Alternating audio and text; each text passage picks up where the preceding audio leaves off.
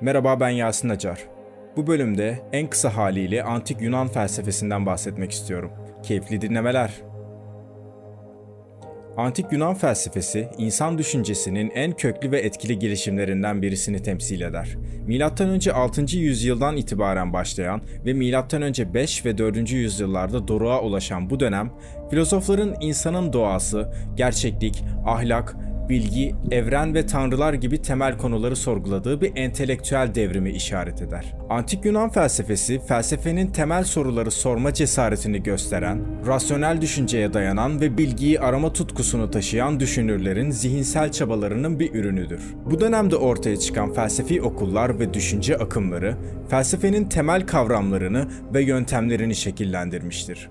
Özellikle Sokrates, Platon ve Aristoteles gibi büyük filozoflar, antik Yunan felsefesinin altın çağı olarak kabul edilen bu dönemde unutulmaz eserler üretmiş ve felsefe düşüncesinin gelecekteki gelişimini derinden etkilemiştir. Antik Yunan felsefesinin temel amacı insanların dünyayı anlama ve açıklama çabasıdır. Antik Yunan felsefesi genellikle üç büyük döneme ayrılır.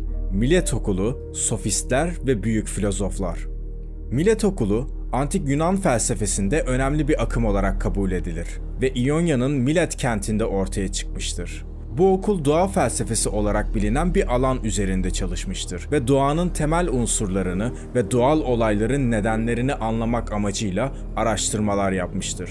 İlk filozoflar olarak da bilinen Thales, Anaximandros ve Anaximenes gibi düşünürler Milet okulunun temsilcileri arasında yer almıştır. Thales evrenin temel ilkesini su olarak görmüş ve doğadaki tüm fenomenleri suya dayandırmıştır. Anaximandros ise evrenin sonsuz ve belirsiz bir temele sahip olduğunu savunmuş ve bu temeli apeiron olarak adlandırmıştır.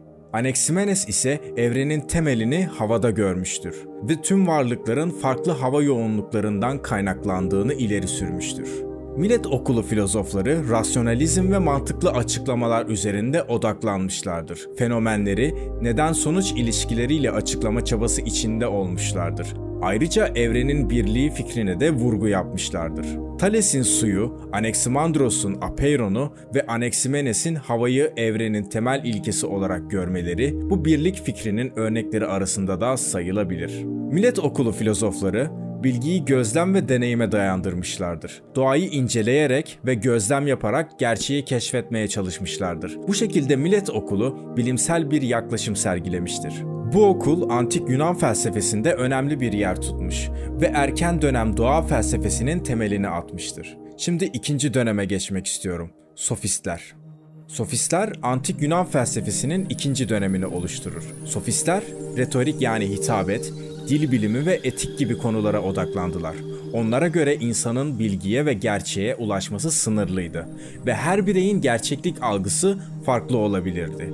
Bu nedenle sofistler insanları ikna etme ve argüman geliştirme becerilerini öğretmeye odaklandılar. Protagoras, Gorgias ve Prodikos gibi sofistler gerçeğin göreceli olduğunu savunmuşlardır. Onlara göre insanın deneyimleri ve toplumsal normlar gerçeği belirlemektedir. Bu dönemde ahlaki değerler, toplumsal anlaşmalar ve insanın doğası üzerine tartışmalar yoğunlaşmıştır. Antik Yunan felsefesinde sofistler milattan önce 5. yüzyılda önemli bir akım oluşturan düşünürlerdir. Önceden de söylediğim gibi retorik ve ikna yeteneği üzerinde yoğunlaştılar.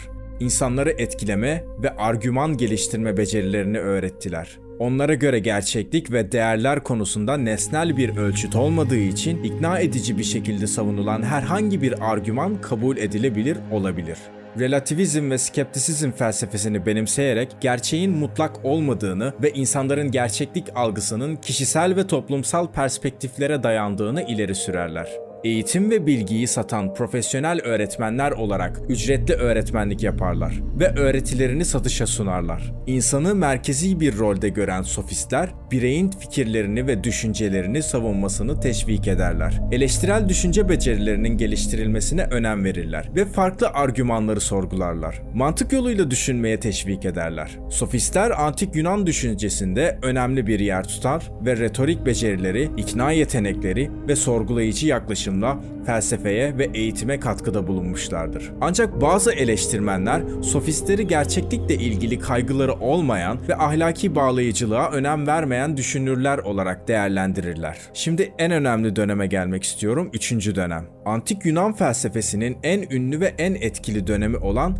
büyük filozoflar dönemi. Yani en azından ben öyle söylüyorum. Sokrates, Platon ve Aristoteles gibi filozoflar bu dönemde ortaya çıkmıştır. Sokrates, antik Yunan felsefesinin en etkili filozoflarından biridir ve milattan önce 5. yüzyılda yaşamıştır. Sokrates'in felsefi yöntemi Sokratik yöntem olarak bilinir. Bu yöntemde Sokrates, insanların içerisindeki bilgiyi ortaya çıkarmak için sorular sorar ve tartışmalar yoluyla gerçeği arar. Böylece insanların içlerindeki bilgiyi ortaya çıkarmalarını ve kendi fikirlerini keşfetmelerini sağlar.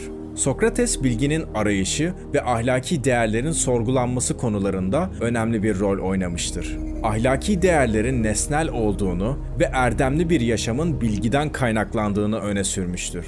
Şimdi bir diğer filozofa geçelim. Sokrates'in en önemli öğrencisi olan Platon. Platon antik Yunan felsefesinin en önemli filozoflarından biridir. 4. yüzyılda yaşamıştır. Platon Sokrates'in düşüncelerini yazılı hale getirerek onun felsefesine aktarmıştır. Platon'a göre gerçeklik duyular dünyasının ötesindeki idealar dünyasında bulunur. Platon'un idealar kuramına göre maddi dünya geçici ve değişkendir. Ancak idealar dünyası kalıcı ve gerçek olandır. İdealar evrensel ve soyut kavramları temsil eder. Platon aynı zamanda ideal bir devlet modeli olan Devlet adlı eserinde toplumun adaleti, düzeni için bir plan sunar. Platon'u da tek düze bir şekilde anlattıktan sonra Aristoteles'e geçelim. Aristoteles de Platon'un öğrencisidir ve o da antik Yunan felsefesinin en önemli filozoflarındandır. Milattan önce 4. yüzyılda yaşayan Aristoteles mantık, fizik, biyoloji, metafizik, etik ve siyaset gibi birçok alanda önemli çalışmalar yapmıştır. Aristoteles bilginin duyular dünyasına dayandığını savunur. Ona göre gerçeklik nesnelerin özünde mevcuttur ve neden sonuç ilişkileriyle anlaşılır. Aristoteles varlığı anlamak için mantıksal düşünceyi kullanmıştır ve bu sayede farklı bilimlerin temellerini atmıştır. Etik alanında ise erdemli yaşamın önemini vurgulamış ve altın oran kavramını ortaya atmıştır. İşte bu anlattıklarımdan sonra bir sonuca varmak istiyorum. Antik Yunan felsefesi düşünsel mirasıyla tüm dünya kültürüne derin bir etki bırakan ve felsefi düşüncenin temellerini atan bir dönemi temsil eder.